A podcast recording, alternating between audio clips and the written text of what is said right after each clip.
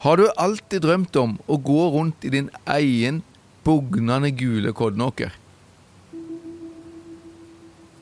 Tidligere i denne podkasten har vi snakka om hva som må til for å få en lønnsom kornproduksjon.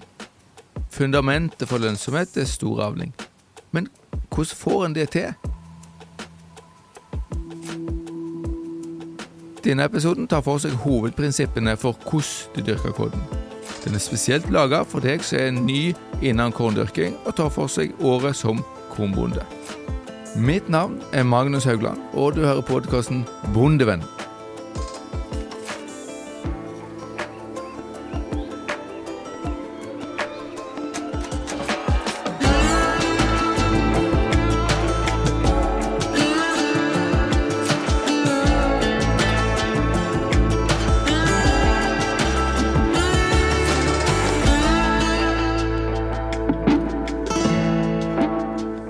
Podkasten Bondevennen blir presentert i samarbeid med Sparebank1 SR-Bank og Tveit Regnskap. Vi bidrar til at bonden lykkes. Skal du lykkes med korndyrking, må du lykkes med å få til god jord for plantene til å vokse i. Det må være i orden for å få store avlinger, og som vi har hørt tidligere når vi snakker om korn, så er store avlinger helt avgjørende for å ha mulighet til å tjene penger på korndyrking. Likevel så er det litt forskjell på hvor kravstore kornsortene er. Har du litt dårligere jord, så anbefaler jeg havre. På den beste jorda gjerne bygg. Du hører nå Arne Vagle fra Norsk landbruksrådgivning Rogaland. Han har fulgt kornproduksjon på Jæren i en manns alder. Det viktigste med jorda er jo at det ikke, ikke blir stående vann eller drukning. At det vil komme til å være lufttilgang til røttene. For kornplantene er noen av de plantene som, eller vekstene som krever, krever mest til, til jordsmonn og jordkvalitet. Spesielt med hensyn til, til det med luft i jorda, men òg det med pH-en. Så første bud er, når du skal dyrke korn, er iallfall at du har pH-en på plass. Men det er et lite men der. For det at havre er det en vekst som du kan dyrke på litt lavere og litt dårligere jord enn en bygg. Og vi har både toradsbygg og seksradsbygg, og toradsbyggene er det mest krevende du kan dyrke. Både med hensyn til pH, men òg med hensyn til jordstruktur og, og den biten. Mens en seksradsbygg er litt mindre kravstor, men relativt kravstor den òg.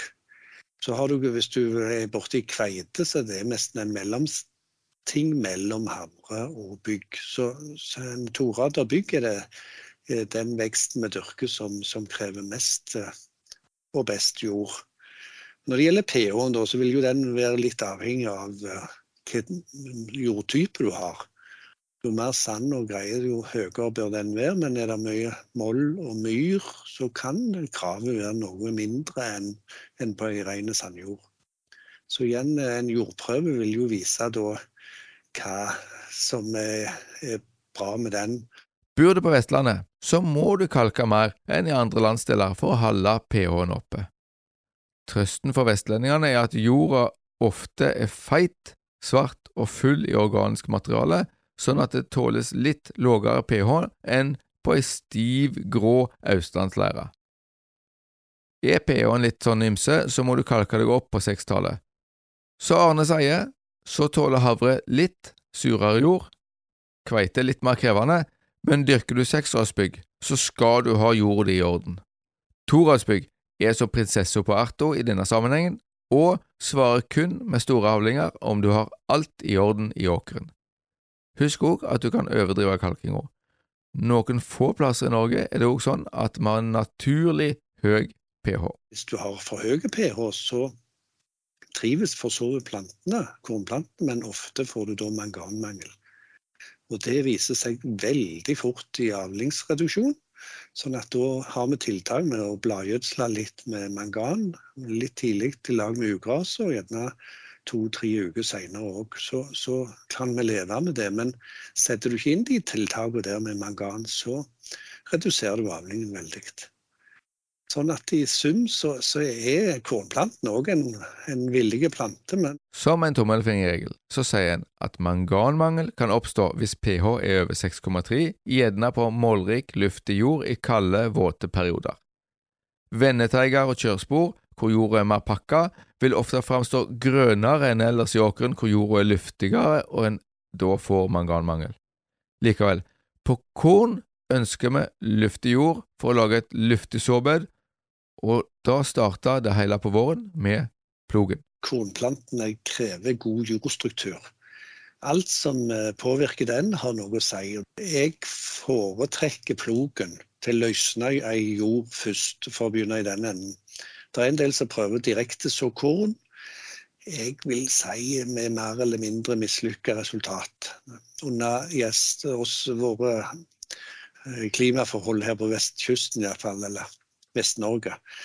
Så, så det, alt begynner med en god plog. Men så er det masse du kan gjøre etter du har pløyd for å ødelegge denne strukturen igjen. I områder med mye nedbør så har forenkla, plogfri jordarbeiding vist seg å gi lavere avling både i kodden og gras. Dyrking i områder med tørrere klima har vist bedre resultat med plogfri dyrking. Men er du nybegynner, anbefales det å satse med på plogen før en starter med eksperimentering med andre jordarbeidingsredskaper. Har du tilgang på husdyrgjødsel til kornproduksjon, så skal husdyrgjødsla arbeides inn i jorda. En kan kjøre den ut først og pløye den ned, eventuelt så kan du kjøre gjødsla ut etter pløying og heller horve den inn i jorda. Kravet er at Innmåling av husdyrgjødsel skal skje innen 18 timer, men for å ta vare på nitrogenet så er det en fordel å måle inn husdyrgjødsel så raskt som mulig. Det beste og mest økonomiske er jo å få ut noe husdyrgjødsel. Jeg foretrekker storfe, eh, for det er det litt mer kalium i enn i gris. Og eh, ikke minst òg eh, mindre fosfor enn, en i grisealorten. Men, men det er jo en del som har gris, og det går greit å kjøre ut det òg. Og egentlig trenger du ikke fem tonn med, med husdyrgjødsel på målet, men uh, i forhold til dekking, fosfor og kalium, så uh, tre tonn er stort sett nok til å dekke behovet der, men så er det en del som trenger sprayareal og kjører større mengder. Men det er egentlig litt sløsing i forhold til bruk av fosfor og kalium. Og så er det å justere seg inn med nitrogen etterpå. Og om en skal kjøre før en pløye eller etter pløying, jeg syns det er mange tilfeller er fordelen etterpå, men det er hvis du har stort utstyr og ikke så gode forhold, så lager du spor eh, etter den eh, maskinen. Har du en slangesprayer eller noe der du kjører med lett utstyr, så vil jeg fortrinnsvis lagt opp og gjerne horva det lett nedi og ikke pløtte langt ned. Men igjen, du må se hvilket utstyr du har og hvordan forholdet er. Det er ikke bare tungt utstyr som pakker sammen jorda vår. De fleste jordarbeidsredskapene vi har, de ødelegger jordstrukturen i jorda. Horv er en av disse som ødelegger jordstruktur. Har du horva så grundig at jorda har blitt fullstendig til snus, så føles hun gjerne løs og fin, men jordstrukturen er fullstendig ødelagt. Mitt råd og den erfaringen jeg har, tilsier at du skal horve minst mulig etterpå. For hvis du horver to ganger, så pakker du mer igjen, og tre ganger. Sånn at det å, å, bevare den gode strukturen du får med plogen, og ikke ødelegge den med horving Så jeg pleier å si jeg horver halvannen gang. Kan le av det, men midt på der det er godt pløyd, ikke dra horva mer enn én en gang, mens rundt kantene og gjennomfårene kan du dra to ganger. Og det, det igjen eh, innebærer jo at du må ha gode pløyer, eh, pløksler. Du må ikke slerve der, det er der du legger grunnlaget. Horvung er jo for å lage et såbed til til frøet. Derfor bør du ikke horve dypere enn det du nesten så frøet. Når det gjelder korn, så er det 4-5 cm. Sånn at du skal ikke drive med noe dyphorving eller noe når det gjelder dyrking av korn. Men derimot til grønnsak og potet så er det noe helt annet. Men til korn så gjelder det bare å slette overflaten, lage en slags eh, en, eh, en bånd fire centimeter nedi så du kan legge frø på, og så litt porøst på toppen. Og, det kan jo òg uh, ulike typer såmaskiner nå være med på å gjøre den operasjonen. Så mange pløyer gjerne kjører en Rapid eller et direkte såmaskin i en pløgslo, og da får de et godt resultat ut av det. Når vi har pløtt og dratt over med hodet, er gjerne jorda klar for såing. Dette er litt annerledes enn for de som er vant med grasproduksjon, hvor vi legger åkeren igjen, altså så gras. I grasproduksjon er sletting med slåtten før hårving regnet som veldig viktig for å få et så flatt gjenlegg som mulig, sånn at en ikke senere drar inn jord i gresset under innhaustinga. En produksjonsmulighet er å kombinere korn- og grasproduksjon, sånn at en sår inn gras som kommer opp under kornet, og en sitter igjen med ei graseng når kornet er høstet på høsten. Og Det er forskjell òg på om du skal ha gras og gjenlegg i, eller bare korn. For hvis du tenker deg korn en tresker skal over, så gjør det ikke noe om det ikke er helt flatt. Men skal du ha et gjenlegg der du skal kjøre med ei grasrive etterpå, så, så, krever det jo gjerne litt jevnere overflate og dermed en ekstra hårving. Men det vil igjen gå ut over avlingen. Sånn at det, det av og til må du vinne her eller ta der. Og sluttresultatet det blir påvirka av det du velger deg å gjøre. Driver du en plass med stein i jorda, da er jordarbeidinga mer krevende. Har du mye stein og ønsker å få et tett lett såbed, så må du kanskje ut med utstyr for steinplukking. Steinhenting og steinfjerning og alt dette her, med alt de redskapene som skal utpå der, de er med på å forringe litt jordstrukturen igjen, og da ser du det med en gang igjen på avlingen på kornet. Og I verste tilfelle, hvis du transler dette mye, så spirer det og blir gult og blir ingenting av kornet. Sånn at eh,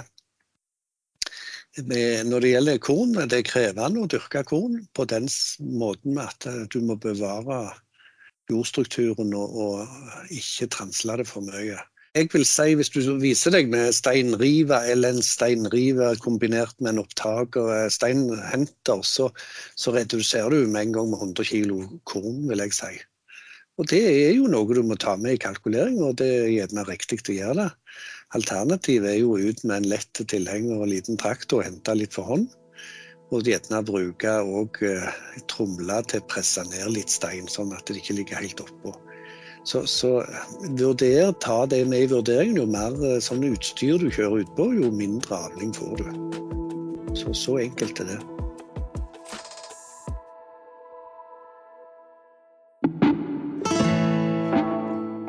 Denne episoden er sponsa av Felleskjøpet Rogaland Agder. Felleskjøpet arbeider hver dag for din lønnsomhet som bonde, og for lokal og norsk matproduksjon. Ta kontakt med en av våre konsulenter eller gå inn på nettsidene våre bondekompaniet.no. Du har nå pløtt, muligens kjørt på husgjødsel og horva seg over åkeren, og er klar for såing. Så er spørsmålet hvor mye såkorn skal du beregne?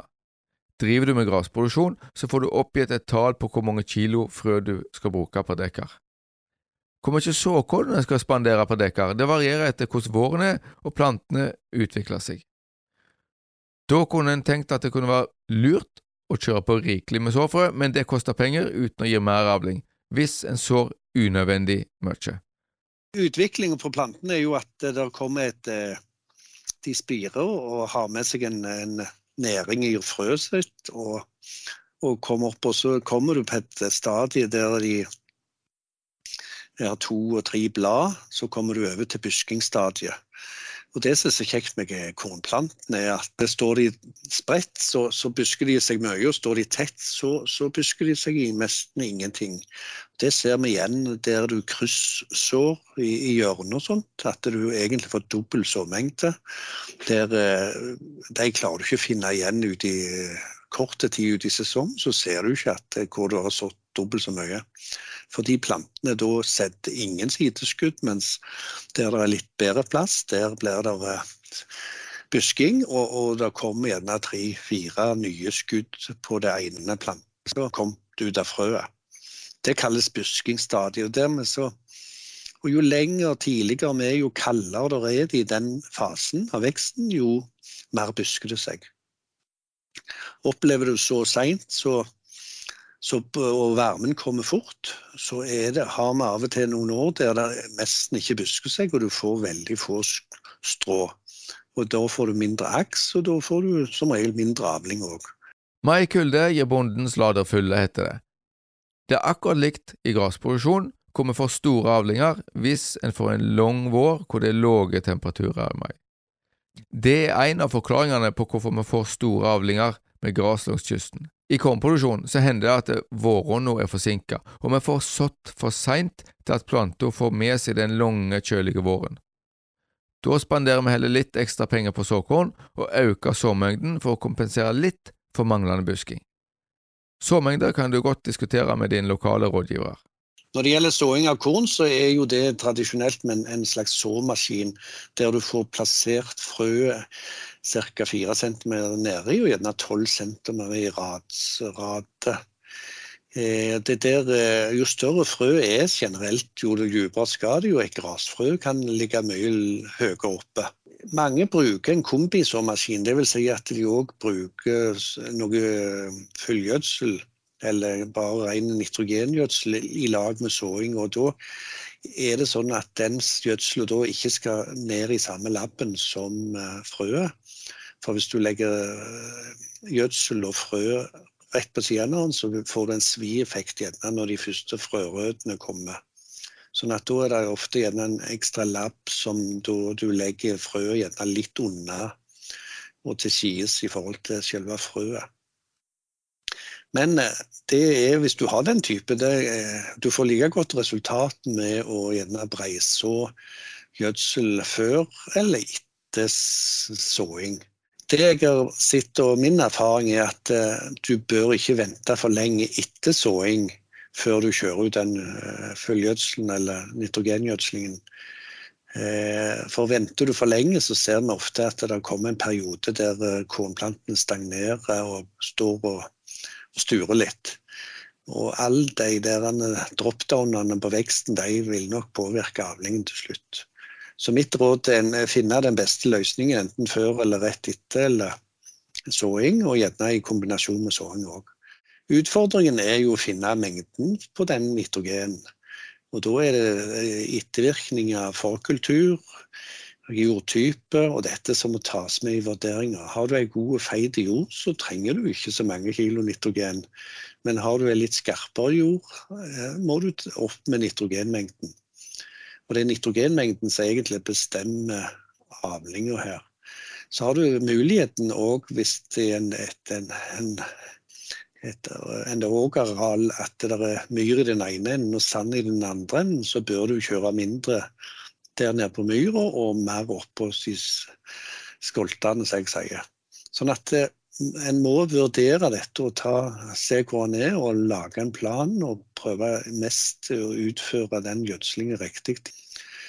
Å ta erfaring av tidligere års praksis når det gjelder gjødsling til korn, er viktig hvis du har grunnlag til det at en ser eh, Gjødsla du ti kilo i fjor, og under de forholdene så, så ble det ingen legde, eller det ble mye legde, og justere seg inn ut ifra erfaring.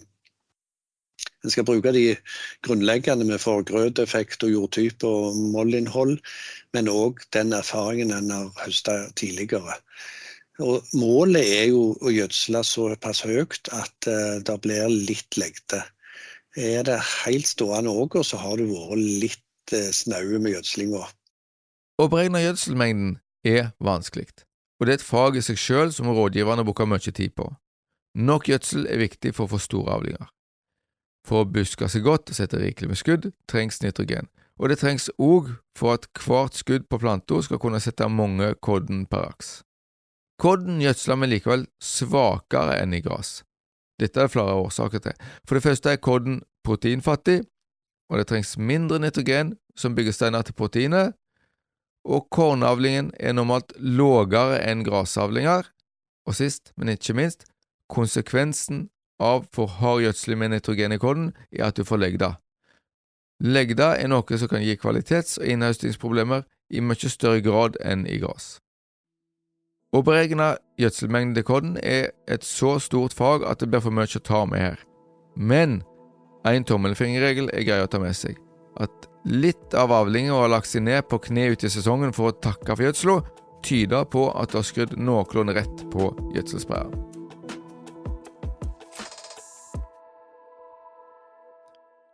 Sammen med koddene så spirer òg ugraset. Når ugraset har fått sine to frøblad og ett varig blad, vil det ofte være sårbart for plantevernmiddel, sjøl i små doser. Derfor sprøyter man normalt på den tida. Men det fins alternativer. Ugrassprøyting, der har vi jo en eh, rekke midler, det gjelder egentlig å, å treffe rette tidspunktet på ugraset. Når det er uh, frøbladene og litt varige blad, det er da lett å ta og huske på litt varmt og overskya og lite vind, så er det den rette dagen. Eh, mens eh, vi har jo et alternativ med ugrashorving i, i, korn. Og en del av til og kombinert dette med såing av gjenlegg samtidig som du ugrashorver. Det er utstyr for det. Sånn at, eh, men det, det som er viktig da, er at du ikke horver på stadiet mellom ett blad og tre blad. Da er plantene veldig sårbare for en sånn ytre påkjenning, og da vil avlingene gå relativt raskt ned. Mens eh, før det, eller opp til det ett blad, så gjør det ingenting, og heller vente da til, til plantene har tre-fire blad. Så det er litt viktig. og det igjen, Men da må du ha gode forhold. Du må ikke ha det så du bare flytter ut gress og de spirer videre. Så, så da, da, er du litt avhengig av været og, og det òg rundt den uh, operasjonen. Men det er et godt alternativ. Mekanisk ugrashorving og kjøring med traktor på de små kornplantene det virker veldig brutalt, men relativt store kornplanter tåler overkjøring. Når det gjelder kjøring i åkeren, så sier jeg opp til 20 cm betyr det ingenting du kan ha tvillingdekk på. Så reiser åkeren seg igjen. Men er lengden på, på strået mer enn 20 cm, så begynner den effekten. Da får du avlingsreduksjon i de sporene. Men ofte hvis det er planlagte spor når du sår, så blir de plantene som står inntil kjøresporet kraftigere, og dermed så og flere strå der som igjen fyller litt ut av det tomrommet som selve sprøytesporet har. Så. Men, men, eh, et sprøytespor var fort 15-20 kilo mindre avling enn hva, vi regnet på sånn historisk sett. Har du fått kontroll på ugraset, så er det bare å følge med på om åkeren vokser som den skal. Er det lite futt i små kornplantene, så har vi noen tiltak som kan settes inn. Det har kommet noen middel nå som du kjører ut relativt tidlig. Er gjerne med ei sein ugrassprøyting. Og det stimulerer rotveksten i plantene. Så har de det litt eh, tungt og står og sturer litt, så kan det være en løsning å ha i litt middel da, i lag med sein ugrassprøyting. Så har du det kjekke med kalsalpeter og gule flekker på våren. Det står og sturer. Så har, du mulighet til å kjøre ut litt ekstra kalsalpeter. Det er jo den dyreste nitrogengjødselen, men den er som en vitaminsprøyting på plantene. Etter få dager så, så hjelper du dem i gang igjen. Og som at uh, veksten kommer i gang, og de finner tilbake igjen til vekstrytmen og kan hente med rotutvikling og, og ta ut dette. Så vi skal ikke glemme den effekten som en, en boost med litt kalsepeter kan gjøre da, etter spiring, når det begynner å gulne litt i flekker osv. Kalksalpeter anbefaler vi normalt ikke å bruke som nitrogengjødsel. Det er på grunn av den høye prisen den har hatt i de senere årene, men vi ser at kalksalpeter kan ha en veldig rask og fin effekt både i kodden og grasgjenlegg som står og sturer. Kodden viser mangelsymptom når det noe mangler utover sesongen, og her finnes muligheter til å rette opp i problemene som oppstår, og det kan vi gjøre ved hjelp av bladgjødsling. Sånn tilleggsgjødsling, som jeg sier, eller, eller delt gjødsling, er det noen som kaller det hvis det er planlagt at du skal ta en etterfyll med noe mer næring. Men eh, sånn så ren nitrogen, så kan du godt kjøre det ut i form av kalsapeter eller, eller N27 eh, litt tidlig. Men kommer du litt ut i sesongen, så bør du gå mer på flytende. Og disse mikronæringsstoffene som mangan og magnesium og dette, så blander vi det som regel inn i lag med ugras eller soppsprøyting. Og som, hvis pH-en er, er, høy så, så det, må du gjerne ut flere ganger med mangan. Du har det gjerne i lag med ugraset og må kjøre de 14 dager etterpå, kanskje en tredje gang òg. Men når eh, kornet har skutt og det strukker seg godt, så er det ikke vits i de bladgjødslingene. Da er, er, det for seint. Så denne vurderinga er da i, slutten av mai og, og ut gjennom juni. Så kommer du til sankthans, så er det sjelden mer behov for noe bladgjødsling. Så, så, det er den uh, perioden der. Og uh, vi har relativt sterke symptom som forteller hva slags næringsmangel det er på korn. Det er ulike flekker og ulike farger på disse her, Eh, symptomer på, på bladverket på, på kornplantene. Det varierer jo litt mellom havre og bygg osv. Men og igjen så er det toradsbygg og, og til dels seksradsbygg som krever mest av, av dette. her, og, og Havre da litt mer robust både mot, mot alt dette med bladgjødsling òg.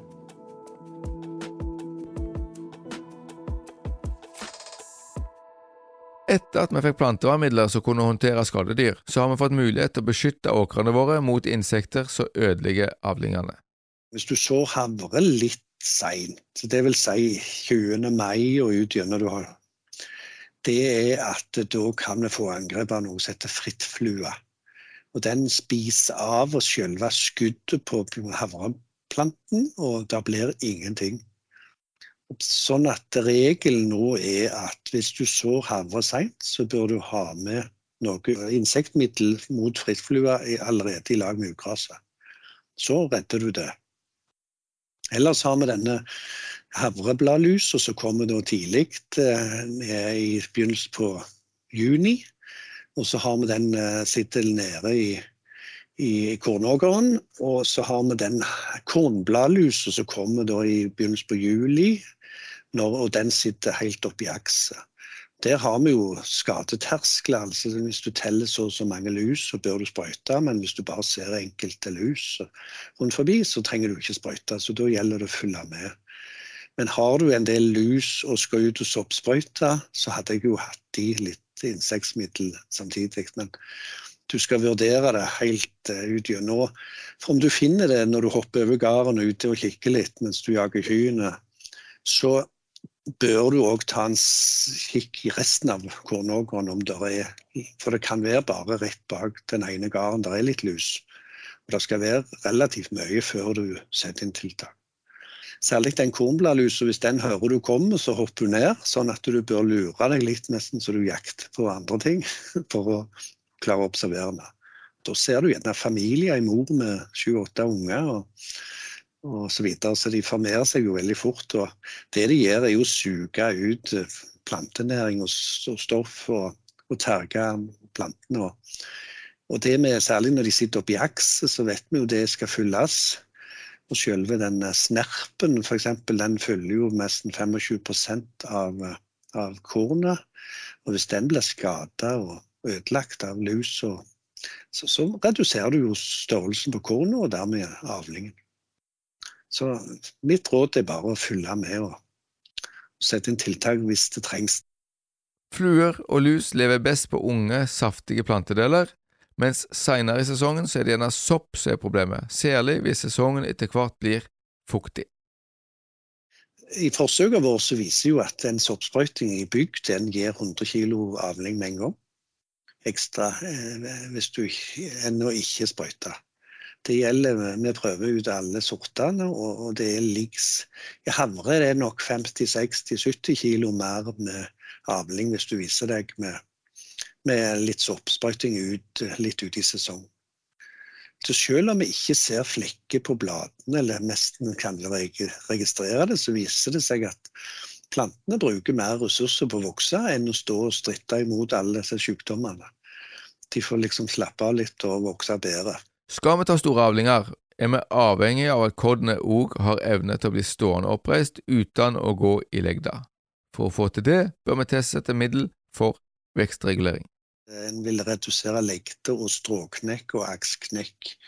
Og da er siste frist eh, når, når, du ser snerpen på bygget komme. Og det pleier å være rundt fra 15. til 20. juni Sånn at eh, da kan det være aktuelt med en, en vekstregulering.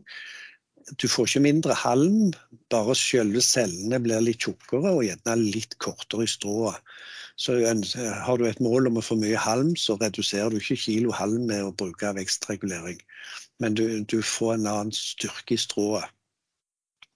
Og det er gjerne da å kombinere det med ei soppsprøyting. og det er relativt billig. Det er ikke mange kronene for en sånn en vekstregulering som etter hvert eh, for mange har blitt obligatorisk å gjennomføre for å få store avlinger. Det som er dilemmaet med det, er gjerne at eh, det er litt for tidlig med soppsprøyting akkurat da en skulle ønske en kom 14 dager senere. For disse soppmidlene som skal beskytte mot sånn bladflekksjuke, som det kalles. Det, de spres med, med vann og vanndråper og kommer fygende inn de eh, angriper da ut gjennom juli. Mens hvis du har en soppsprøyting, så varer den stort sett ikke mer enn fem, toppen seks uker. Det er det samme som behandlingsfristen.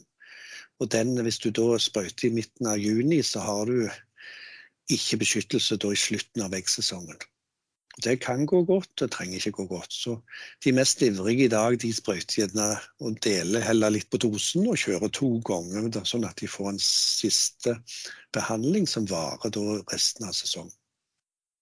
Så der er alltid en god diskusjon blant uh, korndyrkere hvor, strategien skal ha. En kan vurdere det litt ut ifra situasjonen det enkelte året og, og været.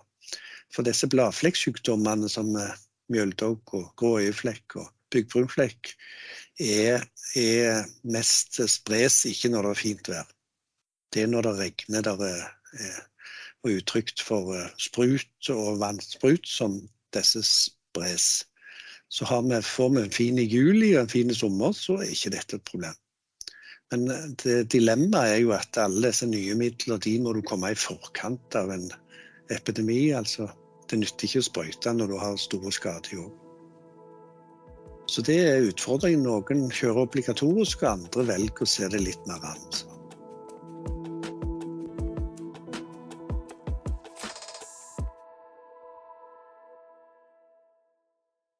Planter går gjennom ulike modningsfaser, hvor kodene fylles med innhold.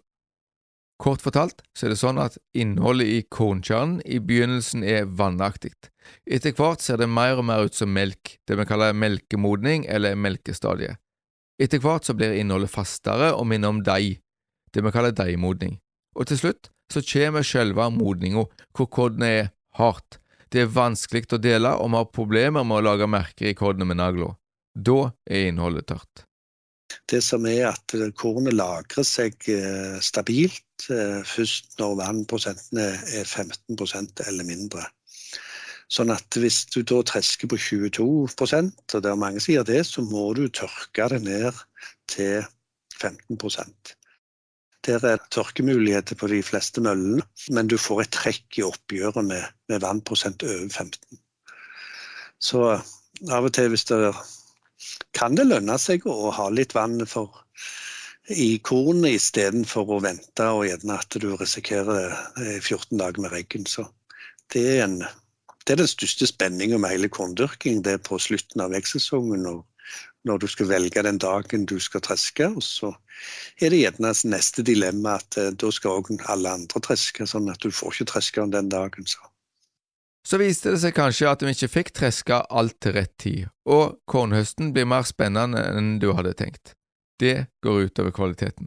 Det bryter ned og, og drysser, knekker sammen.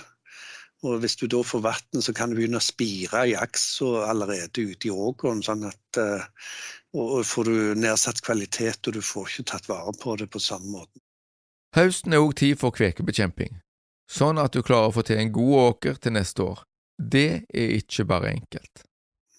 Det vi òg kan si i denne settingen, er, er jo litt sånn som jeg syns er litt vanskelig, det er dette med det er tillatt å bruke Roundup eller glyfosat i en moden byggeåker eh, sju dager før du skal treske. Eh, og på den måten eh, drepe kveka. Men du vil jo òg få eh, drept av grønne etterrenninger osv. Men, men du, du har ikke lov å bruke det til det, du må bruke det som et kvekemiddel. Da er det jo de som har risikert at da kommer det tre uker med regn.